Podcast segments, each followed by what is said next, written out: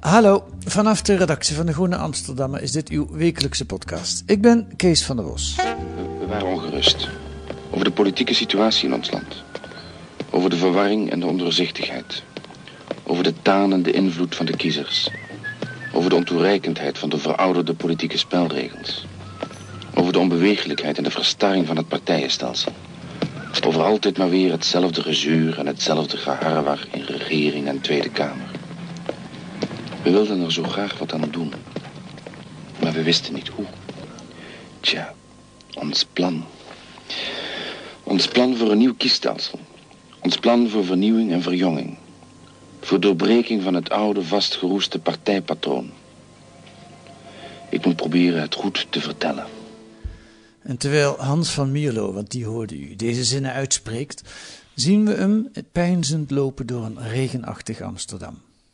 Een wonderbaarlijk politicus. En dat is de titel van een schitterende biografie over Hans van Mierlo, de oprichter van D66. Als er zoiets bestaat als een tijdgevoel, en als dat in een mens gesymboliseerd kan worden, dan staat Van Mierlo voor de 35 succesrijke jaren in de Nederlandse politiek. Die begonnen in 1966 toen Van Mierlo op het podium sprong en eindigde in 2002 met de moord op Pim Fortuyn. Ach, wat een tijd. Toen Boer Koekoek nog het meest rechtse was wat ons kon overkomen. Hubert Smeets neemt je in zijn biografie mee naar die jaren en beschrijft het zo mooi dat je samen met hem heimwee krijgt naar die tijd. Welkom Hubert Smeets. Dank je zeer. Beschrijf Hans van Mierlo is voor de jonge podcastluisteraar van 18, 19 jaar die geen idee heeft wie het is. Hans van Mierlo was een grote, mooie man. Dat moeten we denk ik als eerste vaststellen. Ja, het is grappig dat je daarmee begint, want hij gooit die mooie grootheid ook in de strijd eigenlijk. Hè? Ja, in dat filmpje waar je net de tekst van liet doorschemeren, wordt dat ook gebruikt. Die, die, die aantrekkelijkheid Ja. van Van Mierlo. Een vrouw, een womanizer ook. Ja, hij was een mannenman en een vrouwenman. Ook een mannenman hoor, had heel veel goede vrienden. Eh, en dat had de regisseur van dat filmpje, waarvan we nu alleen de tekst hoorden, had het ook goed begrepen. Die plantte dus Hans van Mierlo, de lijsttrekker van een nieuwe partij, volledig nieuwe partij, niet achter een tafel met een bos bloemen en een glas water, om dan vervolgens de camera in te kijken en de, de kiezer toe te spreken, zoals gebruikelijk was in op de televisie, eh, midden jaren 60. Maar laat hem lopen door de, door de, over de gracht. Hij was eh, een man die ontzettend goed kon spreken. En daar ook heel veel werk van maakte trouwens. Eh, hij had ooit acteur willen worden. Had het plan gehad na zijn middelbare schooltijd in Nijmegen op het Jezuïetencollege, het Canisius. Eh, maar dat had hij toch maar niet gedaan om zijn ouders niet te ontrieven. Van Mierlo kwam uit een Breda's patriciërsgezin. Zijn vader was bankier. Zijn vader was bankier, later directeur van een eh, steenfabriek. Zijn oom was eh, vervolgens de directeur van die familiebank van Mierlo en Zonen. En wist die bank te, op te werken, op te ontwikkelen, tot uit te bouwen tot de grootste particuliere familiebank van Nederland. Groter dan Van Landschot. Wat we, de bank die we nu nog kennen als echte eh, kapitaalbeheerder. Maar de Van Mierlo Bank, eh, die bestaat niet meer. Nee, die is opgegaan eerst in de Twentse Bank. En later is de Twentse Bank gefuseerd met, eh, tot de Algemene Bank Nederland. En de Algemene Bank Nederland is uiteindelijk weer gefuseerd met de Ambro tot ABN Ambro. Oké, terug naar Hans van Ja. Mierlo. Eh, Van Mierlo was, een, eh, was dus een goede spreker.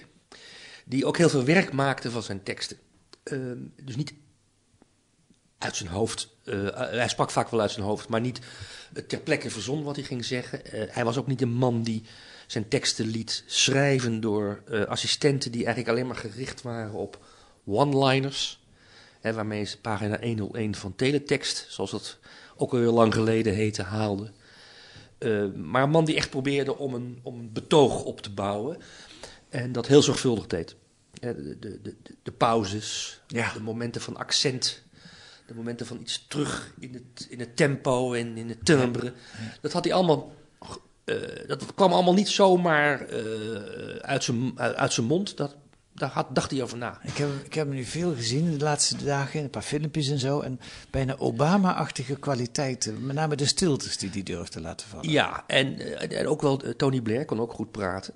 Het nadeel daarvan overigens wel is van uh, die kwaliteit dat je als toehoorder zo begeesterd raakt door de schoonheid van het gesproken woord, uh, door de declamatie, dat je vergeet te, je af te vragen wel eens wat hij nou eigenlijk gezegd heeft. En dat is mij ook bij het schrijven van die biografie ook wel eens opgevallen, dat ik dan die tekst zat te lezen en dat ik hem kon horen spreken bijna, maar ik dacht, wat, wat staat hier nou eigenlijk? Wat uh, langer duurt en meer betekenis heeft dan alleen maar um, in die korte confrontatie tussen spreker van Mierlo en jij als toehoorder in de zaal. Het is ook grappig dat je dat zegt. We zijn nu al meer dan vijf minuten bezig. En ik heb die ene vraag gesteld van, leg eens uit wie Hans van Mierlo is. En ik heb nog steeds niet gezegd wie die is. En we hebben geen idee waar die voor staat nog. Nee, nee. Oh, pardon. Nee, nee, uh. maar, dat is niet helemaal toeval eigenlijk nee, ook. Want dat is ook best moeilijk. Ja, uh, nu heb ik even de, de techniek ja. van zijn uh, politieke, ja. politieke zijn geprobeerd te behandelen. Politiek stond hij Goed, nu kom ik ter zake. Neem niet kwalijk. Voor nee, deze enorme omweg. um, politiek stond hij, eigenlijk zou je kunnen zeggen, voor het moderne Nederland. Het moderne Nederland van een vrije burger, waar een vrije burgerij haar stem wilde laten horen en niet meer bereid was zich te voegen naar de verzuilde partijen. De Katholieke Volkspartij, de Antirevolutionaire Partij, de Christelijke Historische Unie, die later in het CDA zijn opgegaan, maar ook de VVD en de Partij van de Arbeid. Ja. Die vrije burgers die vaak werkten in de dienstverlenende sector, in de reclame, in de cultuursector, in de wetenschap, die steeds belangrijker werd, of in het onderwijs dat steeds belangrijker werd. De, de universiteit ontplofte in de jaren zestig van kleine elitaire, um, je zou kunnen zeggen bijna huiskamergemeenschappen, naar wat we nu zien als onderwijsfabrieken. Ja. En daar, die, die verandering van dat Nederland, van het agrarische Nederland van voor de oorlog, naar het moderne, commerciële, uh, dienstverlenende Nederland zoals we dat nu kennen, dat, dat kantelpunt zat in de jaren 60. En uh, de politiek was niet aangepast op dat nieuwe Nederland. De politiek deed nog alsof Um, het vooroorlogse Nederland met zijn zuilen, de katholieke, de gereformeerde, de, eh, de, de, hervormde, et cetera, et cetera. Of dat Nederland nog steeds bestond.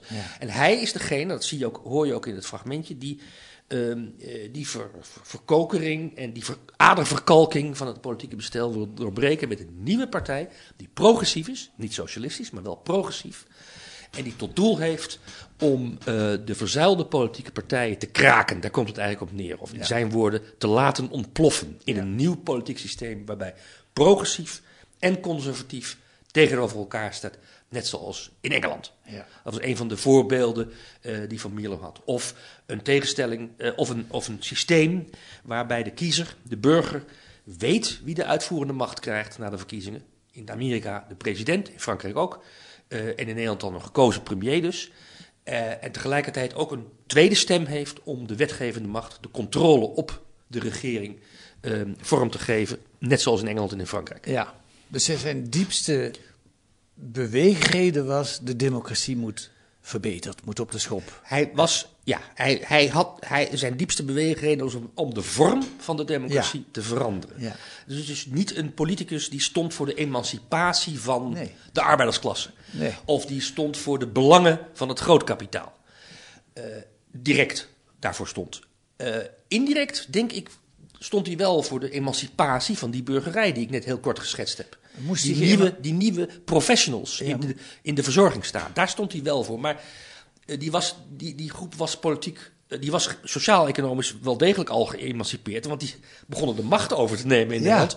En die hadden alleen, je zou kunnen zeggen, wat onmin met het politieke bestel. jij hebt helemaal gelijk. Vorm ging voor inhoud. Vorm ging boven vent. Hij, hij had wel de allure van een popster. Ook een fenomeen wat zich eigenlijk pas in de jaren zestig in Nederland uh, aandient. Ja. Uh, en daar hebben we er in Nederland niet zoveel van gehad. Eh, aan politieke popsterren bedoel nee.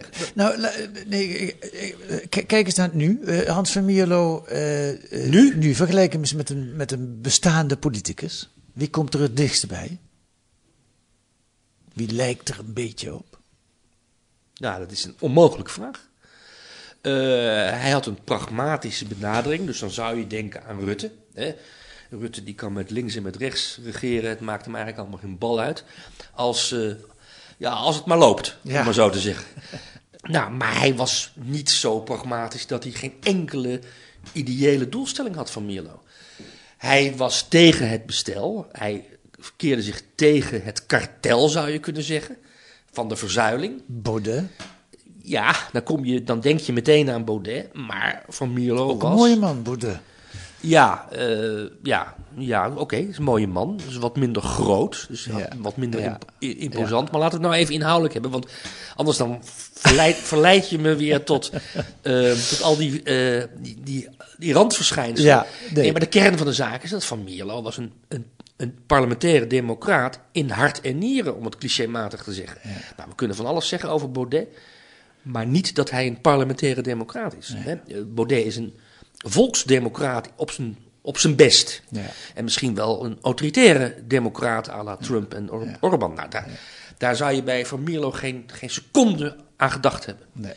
Ehm, hij was, ja, als hij, hij, misschien dat Lodewijk Asscher een beetje vergelijkbare allure zou kunnen hebben ontwikkelen. Ook uit een goede burgerij afkomstig, Lodewijk Asscher. Met zijn hart aan de, een beetje aan de linkerkant, aan de, socia- de sociaal-democratische kant. Van Mierlo was eh, een sociaal mens als het ging om de inrichting van de samenleving. Als je met pistool op, ja, pistool op de borst zette, dan koos hij voor koos de hij voor de. Partij van de Arbeid. Ja. Nou, de huidige, de huidige D66 heeft eh, de afgelopen twintig jaar twee keer gekozen voor een coalitie Ja. met de VVD. Ja. Dat was niet zijn voorkeur. Nee. Dus ik- het- ik- eigenlijk is er geen één politicus in Nederland op dit moment die die allure heeft. We gaan nog even naar Van Mierlo luisteren. Eh, dat is veel te leuk om dat niet eh, te doen. Dit is een stukje eh, op jouw verzoek uit een interview bij Pauw Witteman, 2009. En dat gaat er over de, het, het parlementair onderzoek, of er moet een onderzoek komen naar de deelname van Nederland aan de Irak-oorlog. En Balkenende en Bos, Wouter Bos van de PvdA, Balkenende van het CDA hebben een kabinet in elkaar geknutseld. En een van de dingen die Wouter Bos heeft weggegeven in die onderhandelingen is. Want Balkenende wil dat onderzoek niet. En Bos heeft gezegd: oké, dan doen we dat onderzoek niet. Eh, in de journalistiek was daar veel, eh, veel over te doen. En onder andere Van Mierlo werd daar, ik moet het even zeggen, anders snap je het begin van het gesprek niet. eh, werd daarover door eh, ehm, eh, Paul Witteman eh, ondervraagd. En hij is er heel ziek al. En hij is al heel ziek. Ja, het is 2009, is drie jaar voor zijn dood? Eén jaar voor zijn Eén jaar voor zijn dood. Ja, nou, luister. Bovendien is er nog een andere zaak. En dat is eigenlijk wat mijn meeste verontrusting eh, teweeg brengt. En dat is dat het gaat over iets fundamenteels van onze democratie. Eh, het recht van het volk om de waarheid te weten in ernstige kwesties. Dat is een van de oudste en misschien wel de belangrijkste vrucht van de Franse Revolutie. Of in ieder geval van het begin van de democratie. En dat is een grondbeginsel dat in beheer is bij het individuele Kamerlid. Die namens het volk voert dat uit. Dat heeft in de Nederlandse wetgeving gestalte gekregen in het recht om onder ede te trachten de waarheid te achterhalen over ernstige zaken. En wat ik nu zo erg vind, en ik kwam daarop toen ik de heer Bos, of laat ik, dat ik niet de namen noem, maar een van de regeringspartijen. een van de regeringspartijen zei. Dat hebben, we, dat hebben we geprobeerd, maar dat hebben wij niet gehaald. Daarmee zegt hij impliciet dat het hoort tot, een, dat het hoort tot de onderhandelbare dingen. Terwijl het nou typisch iets is wat niet hoort tot de onderhandelbare dingen. Zoals een aantal beginselen niet horen tot de onderhandelbare dingen. De scheiding der machten, die, die in, in, in ieder geval eh, zo'n 250 jaar geleden door Montesquieu is als een grondregel voor de democratie is bedacht. 50 jaar voor de Franse revolutie, 50 jaar voor de Amerikaanse revolutie, die die leer als grondslag hebben genomen voor een nieuwe maatschappelijk systeem, democratie. En die scheiding der machten, die betekent dat dat de enige manier is om breideling van macht tegen te gaan. En breideling van macht is wat er nu plaatsvindt? Hans van Mierlo in een hartstochtelijk pleidooi voor de democratie. En voor de parlementaire enquête uh, waar hij voor pleitte naar de Nederlandse deelname en betrokkenheid bij de Irak-oorlog van ja. Uh, George Bush Jr. Uh, ja. En zijn kernverwijt is heel simpel, en dat zegt hij ook.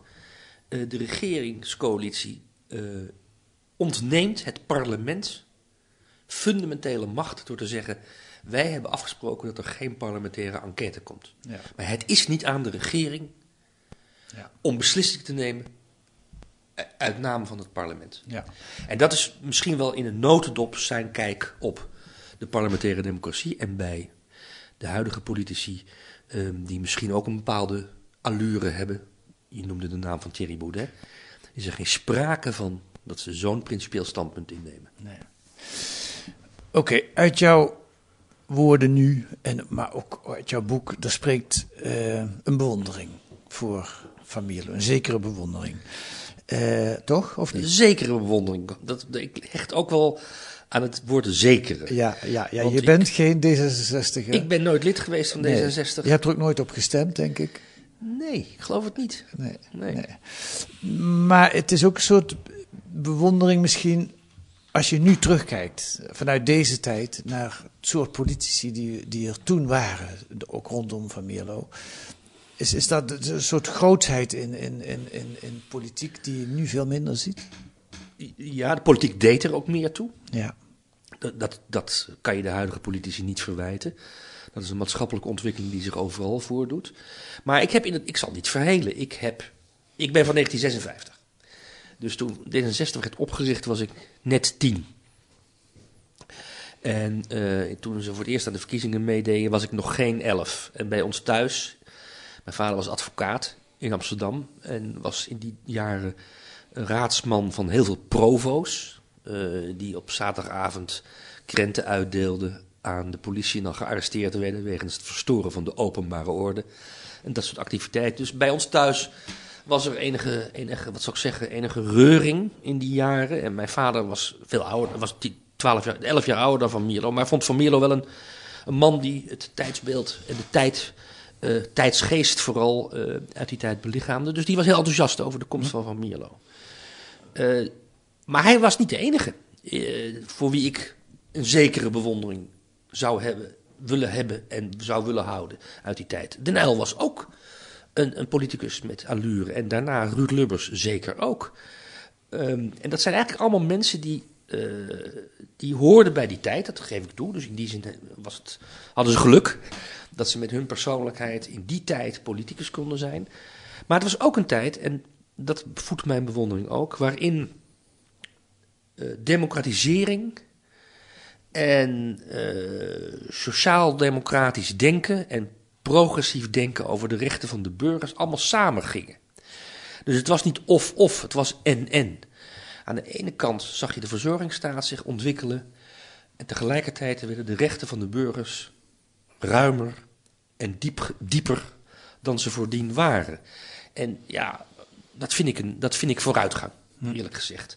Burgers die zich kunnen losmaken uit hun, uit hun uh, beknellende verbanden van kerk of van desnoods van vakbeweging, uh, of voetbalclub of wat dan ook, maar vrije burgers kunnen worden en daar ruimte voor krijgen in de samenleving aan de ene kant. En aan de andere kant de bereidheid van diezelfde burgers om de medeburgers niet in de steek te laten, niet te laten barsten.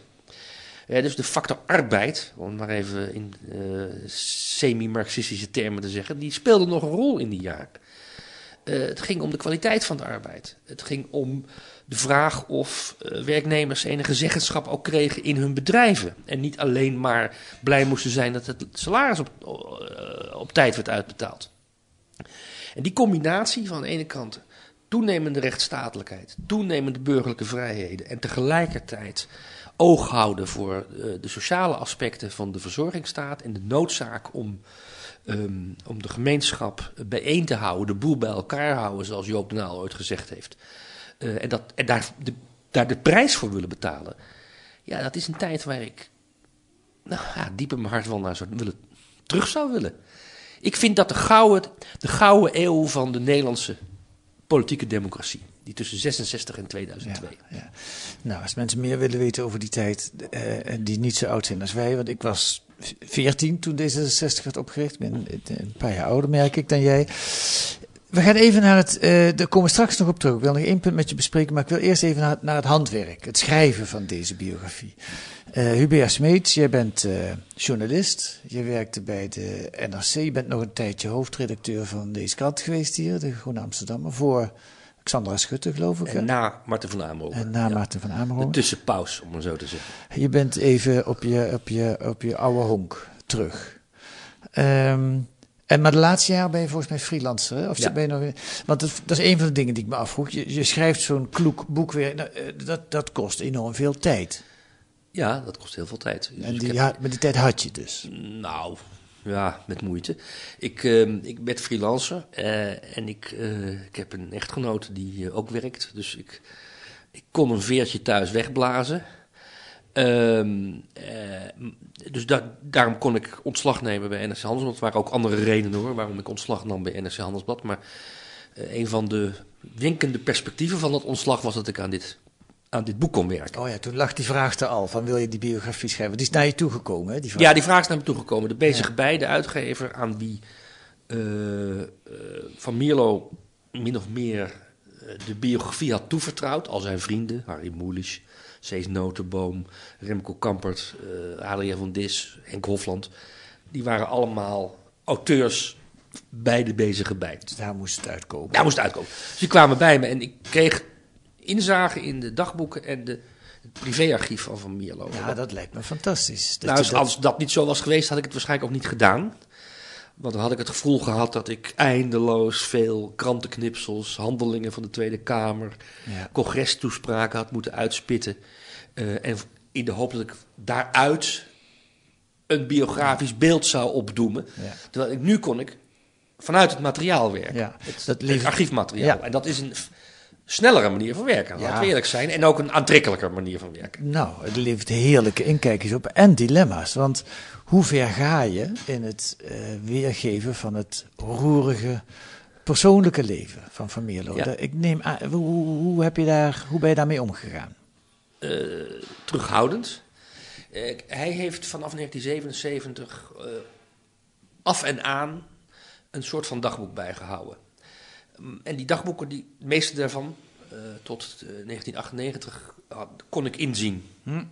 Die heb ik dus kunnen lezen. Dat en is super persoonlijk. Dat is super persoonlijk, hoewel Van Mierlo ergens in een dagboek wel zegt: waarom doe ik dit? Uh, want in principe ga ik ervan uit dat niemand dit leest, wat ik opschrijf. Maar ik schrijf het wel op.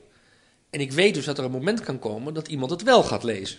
Dus een heel klein beetje censuur past die toch al toe. Dat zou kunnen. Hij is in ieder geval zich bewust van het ja. feit dat hij niet helemaal in zijn eentje is als hij, als hij in die dagboeken schrijft. Maar over dat dilemma. Bijvoorbeeld, ja. er zit één vrouw uh, want vrouwen spelen ook een belangrijke rol in het persoonlijke leven van Mierlo. En jij kiest ervoor om uh, bijna al die relaties, ja, je noemt ze wel, maar die blijven, dat is eigenlijk zoals ook in de kranten wel een keer genoemd zijn, zeg maar zeggen, behalve eentje. Eentje. Ja. Met Greta uh, Riemersma. Nee, nee dat is de redactrice van de Volkskrant geweest. Greta, Greta Nieuwenhuis. Oh ja, Nieuwenhuis. Later, Later. Greta Duizend. Ja. Waarom die wel? Om een hele simpele reden. Als hij begint met zijn dagboek in uh, 1977, dan in, die in, die fase van zijn leven komt ook Greta Nieuwenhuizen, later Duisenberg, in zijn leven. En het is uit de dagboeken volstrekt duidelijk dat hij met haar een, ja, een aantrek-afstootrelatie heeft. Um, waarbij beiden naar elkaar toetrekken uh, op gezette tijden om vervolgens elkaar weer te laten barsten. Al, hoewel, ik moet eerlijk zeggen, Van Mierlo heeft vooral het gevoel dat Grette hem laat barsten. ja, maar ik denk... het gaat heel diep, hè? Het is een hele... Ja, hele... Uh, hij heeft het continu eigenlijk over in die dagboeken. Ja. Maar ik moet terughoudend zijn met daar conclusies aan te verbinden, omdat hij in die dagboeken toch vooral schreef als het niet zo goed met hem ging. Dus als hij zich goed voelde, uh, en lekker in zijn, uh, in zijn vel zat, dan, dan, dan, blijven die dagboeken leeg. Dus de dagboeken zijn bronnen kritisch gezien, uh, maar een beperkte bron. zijn zijn, zijn hoogtepunten staan er niet in. Maar goed, die Greta die komt er steeds in voor. En dat duurt ook heel lang. En andere eh, vrouwen komen veel minder in het dagboek voor. Dus ik achtte mij, eh, eh, ja, ik vond dat ik de, me de vrijheid kon toe-eigenen om haar als pars pro toto te zien. Hebben we haar nodig om Hans van Mierlo beter te begrijpen?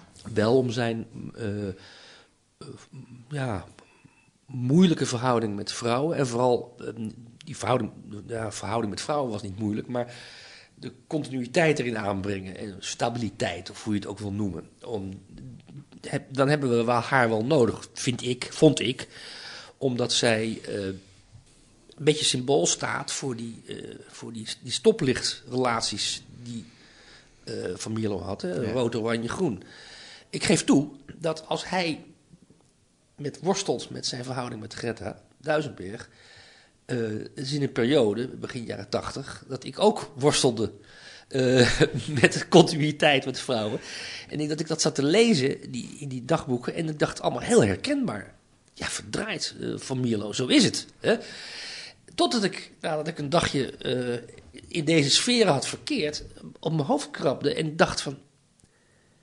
Ja, maar er is één verschil. Jij maakte dat in dezelfde periode, begin jaren tachtig mee. Dus de, de entourage, de context, het decor, de maatschappelijke decor. Dat is wel vergelijkbaar met jouw ervaring. Maar het verschil is dat jij 25 jaar jonger bent. Dus dat jij dat soort dingen Je bedoelt nu jij- meemaakte toen je in de 20 was. Ja. En hij al eh, Ja. rond de 50. Ja, dan had hij al twee huwelijken achter de rug. Ja, nou, één echt. Eén echt huwelijk. Maar dus ik vond dat wel een. Eh, ik, ik, ik dacht, die vrouw staat een beetje symbool voor, voor meer verhoudingen die hij had. En omdat hij er zelf zoveel aandacht aan schonk Ja. in zijn, in zijn dagboek, of leek het me terecht om daar in het boek ook een beetje pars pro toto, één voor het geheel, eh, ook aandacht aan te besteden. Ja, ja. En voor de luisteraar, je besteedt ook heel veel aandacht aan zijn mannenvriendschappen. Die, eh, die, de, de herenclub, dat is allemaal ook heel erg belangrijk. Sowieso, nou, nog, twee dingen, want de tijd vliegt weer, dus ik moet er weer kiezen. Twee dingen wil ik met je bespreken. Nou, het ene is, eh, Van Mierlo was tegen achterkamertjespolitiek. Eh, de, de KVP stond daarvoor eh, model. Er was zelfs een keer gebeurd in 66 dat er een kabinet viel en dat ze gewoon een nieuw kabinet in elkaar knutselden zonder dat er verkiezingen voor nodig waren. Een van de redenen waarom D66 werd opgericht. Ja, daar Nooit meer een kabinetsformatie zonder oordeel vooraf Ja. van de kiezer. Ja. Wat lees ik in jouw boek? Eh, eigenlijk is Van Mierlo zelf ook een soort achterkamertjespoliticus. Ja, het hemd is beduidend nader dan de rok, ook bij Van Mierlo.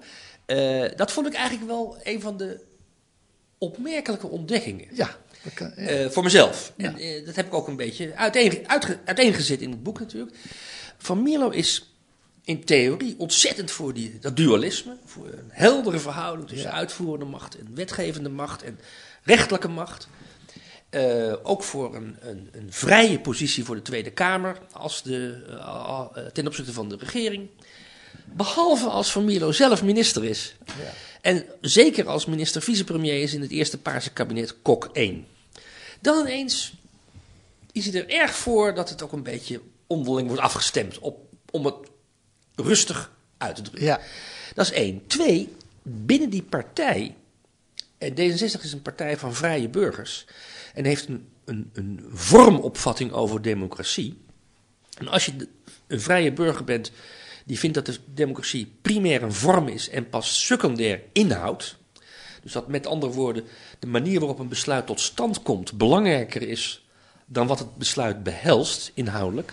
Als je dat vindt, en dat vindt D66, dan moet je eigen partijorganisatie natuurlijk ook prima in elkaar zitten. Dan moeten de formaliteiten echt puntgaaf gevolgd worden. En op congressen zie je dat ook. Hè. D66-congressen, moties van, eh, van orde en, en, en eh, persoonlijke feiten tijdens die congressen, dat zijn de hoogtepunten, om maar zo te zeggen. Dan zie je al de juristen genieten van het, eh, eh, van het vak. Ehm, maar voor Milo zelf helemaal niet. De partij was voor hem eigenlijk ook een, een middel, een voertuig. Voor hemzelf voor een deel. Ehm, en ook wel voor zijn idealen uiteraard. Ja. Dus dat, dat kan je niet helemaal scheiden. Maar als het ging om formaliteiten, eh, dan hield hij toch eh, eh, zijn aandacht niet lang vast. En dat zie je op een hele rare manier in de, ook uiteindelijk, ik vind het bijna dramatische zin, gestalte krijgen wanneer Van Mierlo zijn eigen opvolging organiseert. Hij zegt in 1997, dan is hij drie jaar vicepremier in het eerste Paarse kabinet, zijn grote ideaal. Hè, een kabinet zonder confessionele partijen, zonder het, het CDA. Ja. En dan eh, maar met VVD en, en, en PvdA, dus de twee klassevijanden van vroeger, die samen eh, eh, bij elkaar gelijmd worden door D66 in een kabinet wat eindelijk eens een keer werk gaat maken van het doorbreken van al die immateriële eh, obstakels die Nederland vanaf 18, eh, 1917, 1919 heeft, ge- heeft gekend. Goed, hij kondigt zijn vertrek aan en zegt dan: Ik, uiteraard, uiteraard in samenspraak met de partijvoorzitter, hè, maar ik ga een opvolger zoeken. Heel merkwaardig. En dat zie je eigenlijk ook in de manier waarop dat de- hij dat D66 leidde als partijleider. Als, als het puntje bij paaltje kwam, dan waren de vergaderingen bij hem thuis, Ja. Die je geen vergadering kunt noemen, maar meer besprekingen, gesprekken, soms met een glas wijn, soms zonder, die waren belangrijker dan de formele bestuursvergaderingen op het partijbureau. Ja. En dat is eigenlijk heel merkwaardig. En daarom noem ik hem eh, in, zijn, in de manier waarop hij die partijleider toch eigenlijk gewoon nog steeds een KVP'er. Ja. Zoals bij de KVP eh, na de mis op zondag in het café eh, de zaakjes werden geregeld op afdelingsniveau of provincieniveau en op landelijk niveau via een zogenaamde telefooncircuit. Als de kerk uit was, dan gingen ze bellen met elkaar bij de KVP en later bij het CDA deden ze dat ook. Ehm, dat deed Van, van Mierlo in zekere zin ook een beetje. Ja. En dat was wel lastig voor een aantal van zijn partijgenoten, want die waren wel geïnteresseerd en die hechten wel belang aan formaliteiten van Ja. de partijdemocratie Ja. en van de landelijke democratie ook. Ja, dus de man die tegen achterkamertjes politiek was, deed er zelf eigenlijk volop. Ja, dat is heel vaak gezegd en het is een enorm cliché, maar ik, ik herhaal het cliché toch maar nog een keer. Kijk, Van Mierlo sprak graag in paradox, schijnbare Z- tegenstellingen. Zelf zou hij dit weer een heerlijke paradox gevonden Maar hij was in zichzelf ook een paradox. Ja, ja. God, er zitten zoveel interessante dingen aan. Ik kies er nog eentje. Eh, waar jij net ook aanraakt, paars. In 1994 start het eerste paarse kabinet. Dan is het ruim 70 jaar, 75 jaar geleden dat de, de, het CDA of KVP, daarvoor, dat is voorloop van het CDA, een keer niet in een Nederlands kabinet zit. Eh fijntjes hebben mensen dat eens omschreven als dat is iets langer dan dat de communistische partij in de Sovjet-Unie aan de macht is Ja. geweest. Vind ik niet een hele eh kieze eh, analogie, eerlijk gezegd. Nee, nee. Want de KVP heeft nooit mensen voortgebracht als Stalin en Brezhnev. Maar goed, maar goed. de periode klopt. Ja, dat gezegd hebben, het was, het was ondenkbaar eigenlijk in Nederland. Een kabinet zonder een conf- confessionele partij. En het was Van Mierlo's droom om dat wel voor elkaar te krijgen. En verdomme, in 1994 lukt het hem ook. Je beschrijft dat prachtig. Hij doet dan ook aan machtspolitiek. Hij, ze hebben goede verkiezingen gehaald, de D66, dus op de VVD en PvdA, die eigenlijk elkaar helemaal niet liggen. Maar ze kunnen er niet omheen. Maar ik, ik, ik, ik praat even door, want ik zie dat jij daar alweer van alles over wil vertellen. Maar waar ik eigenlijk naartoe wil is, ook dat zou je een paradox kunnen noemen. Ehm, eh, maar het, het, hij effent daarmee eh, de weg voor een soort pragmatische politiek. Ehm, waar we, waar je, waarvan je zou kunnen zeggen, we tot op de dag van vandaag met de gevolgen opgezadeld zitten, het populisme. Wat vind jij daarvan? Ja, dat, eh, dat standpunt deel ik. Althans, die kijk, die visie deel ik. Ehm, daarom is mijn bewondering ook maar in zekere mate bewondering. Ehm, het Paarse kabinet heeft tal van dingen gerealiseerd die we als verworvenheid kunnen omarmen nog steeds. Ik vind, vind bijvoorbeeld de abortuswet, eh, de abortuswetgeving, ik maak steeds die fout, de euthanasiewetgeving van het tweede Paarse kabinet van, van Milo's opvolger Borst, vind ik eigenlijk het symbool van acht jaar paars. Daar waren we ook heel modern mee in Nederland. Ja, en in zekere zin werd daarmee een, een, een, een, een woeste praktijk, eh, die daarvoor natuurlijk ook bestond, Ja. en die helemaal niet gecontroleerd werd en niet gereguleerd was en waar ook geen criteria helder waren, Ja. die werd, je zou kunnen zeggen, werd eh, ingekaderd. En zonder ideologische ballast benaderd, werd pragmatisch, werd, werd zuiver aangepakt. ja, in mijn redenering zou je kunnen zeggen, is die euthanasiewetgeving het, het, het- de essentie ook van D66. Uh, de euthanasiewetgeving gaat niet om, over de vraag of je recht hebt op leven en dood als individu. Um, er wordt geen moreel oordeel geveld over leven en dood in die euthanasiewetgeving, maar er wordt alleen beschreven de weg erheen. De procedure. De procedure naar de beslissing. En de afwikkeling van de beslissing. Je zou kunnen zeggen, dat is D66 in de notendop. Er is geen uh, ideologische opvatting over uh, dood en leven, wat toch in essentie uh, misschien wel de kern is van heel veel politieke vraagstukken. Dood en leven, oorlog en vrede, hè, dat soort grote tegenstellingen. Maar het gaat om de weg erheen. De vorm die we kiezen en die we ook handhaven om daarover beslissingen te nemen. D66 in optima forma. De keerzijde daarvan is dat eigenlijk alle politieke vraagstukken ontdaan werden van hun, van hun politiek.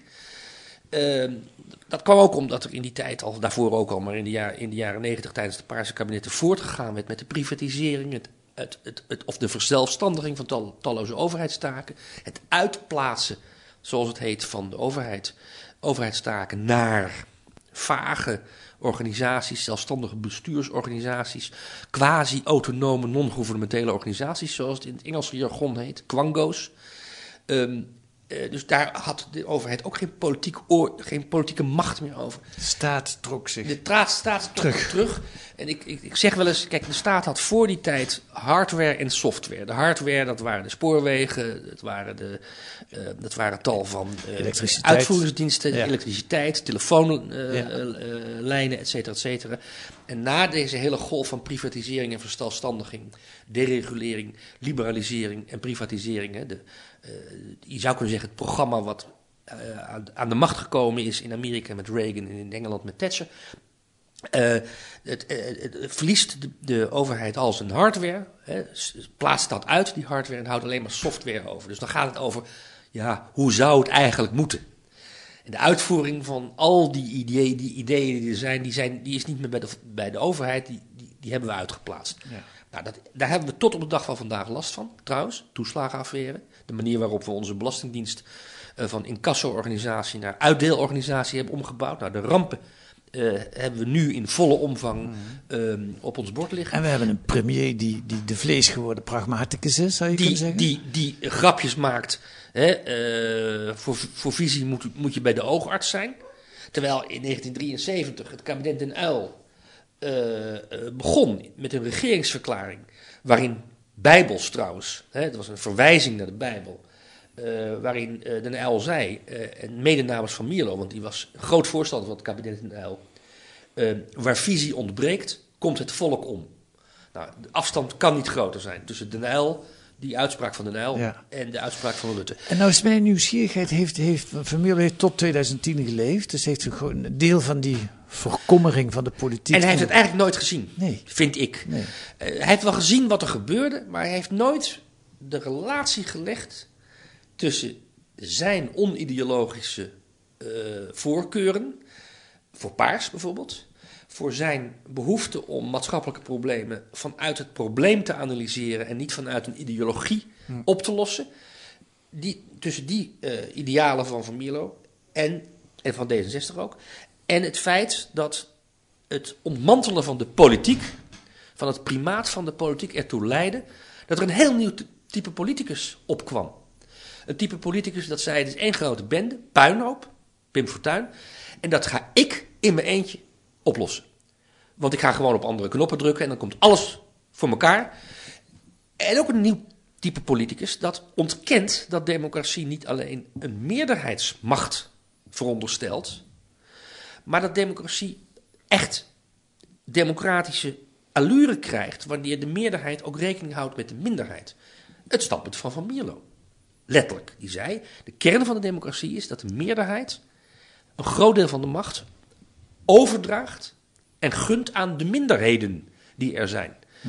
Um, we hebben nu een, een, een politieke cultuur uh, die ik volksdemocratisch zou willen noemen, waarbij uh, er politici zijn die zeggen: ik vertegenwoordig de meerderheid. En daarom is alles wat ik beslis ook namens de meerderheid, namens het volk gedaan. Ja. Zelfs Trump, als ze statistisch gezien niet eens die meerderheid vertegenwoordigen, omdat ze een minderheid van de stemmen vertegenwoordigden um, uh, afgelopen vier jaar. En dat is volgens mij het vacuüm. Die, die politici, die populisten, of nationaal populisten, of die volksdemocraten, die konden stappen in het vacuüm wat de politiek liet in de jaren negentig. Wat Paars eigenlijk heeft gecreëerd. Ja. Er was een enorm, enorm gat in, in, in, in, in het maatschappelijke uh, gesprek, in de gemeenschap ontstaan. Waar de politiek niet zich had teruggetrokken en waar niemand meer zich verantwoordelijk voelde en zei: Ik ga iets veranderen, ik ga iets oplossen. Ik, uh, en, en, en al helemaal niet meer de behoefte had om daar coalities voor te sluiten. Ja, het is misschien geen paradox in de woorden van Van Mierlo, maar het is wel een voorbeeld van dat je iets wil en dat je eigenlijk dat voor elkaar krijgt en helemaal geen idee hebt voor wat het dan uiteindelijk... Wat Van de Keerzijde. Je zou kunnen zeggen dat Van Mierlo is slachtoffer geworden van de wet van Tchernomirdin. Tchernomirdin was uh, uh, premier onder Yeltsin. Uh, en die man stond bekend om zijn boutades. En een van zijn boutades was... Um, we wilden het betere, we kregen de gebruikelijke bende. en dus, ja, dus dialectisch bijna. Hè? Dus ja. je wil iets anders ja. dan uiteindelijk je realiseert. Wat mijn verwijt, verwijt, ja, wat mijn kritische kanttekening bij Van Mierlo is, is, de, is deze, namelijk dat Van Mierlo eigenlijk nooit begrepen heeft wat daar gebeurd is tussen 1994 en 2002. Mm. En dat die Pim Fortuyn ook nooit helemaal op waarde heeft geschat. Hij snapt er ook geen bal van als je jou. Als je, als je moet, dat, ja, en dat gold niet alleen voor Van Mierlo, het geldt voor die hele ja. generatie uit de jaren ja. 30. Ja. Die, vonden, die vonden het een quibus, zoals Henk Hofland uh, Pim Fortuyn noemde. Ja, wel een quibus die uh, mogelijk premier was geworden van Nederland. Ja. Hubert, we kunnen hier nog uren over doorgaan, maar daar, uh, dat kan niet in deze podcast. We houden mee op. We, we, moeten het doen zonder Van Mierlo, maar met jouw boek in elk geval. Dankjewel voor deze toelichting. Dank.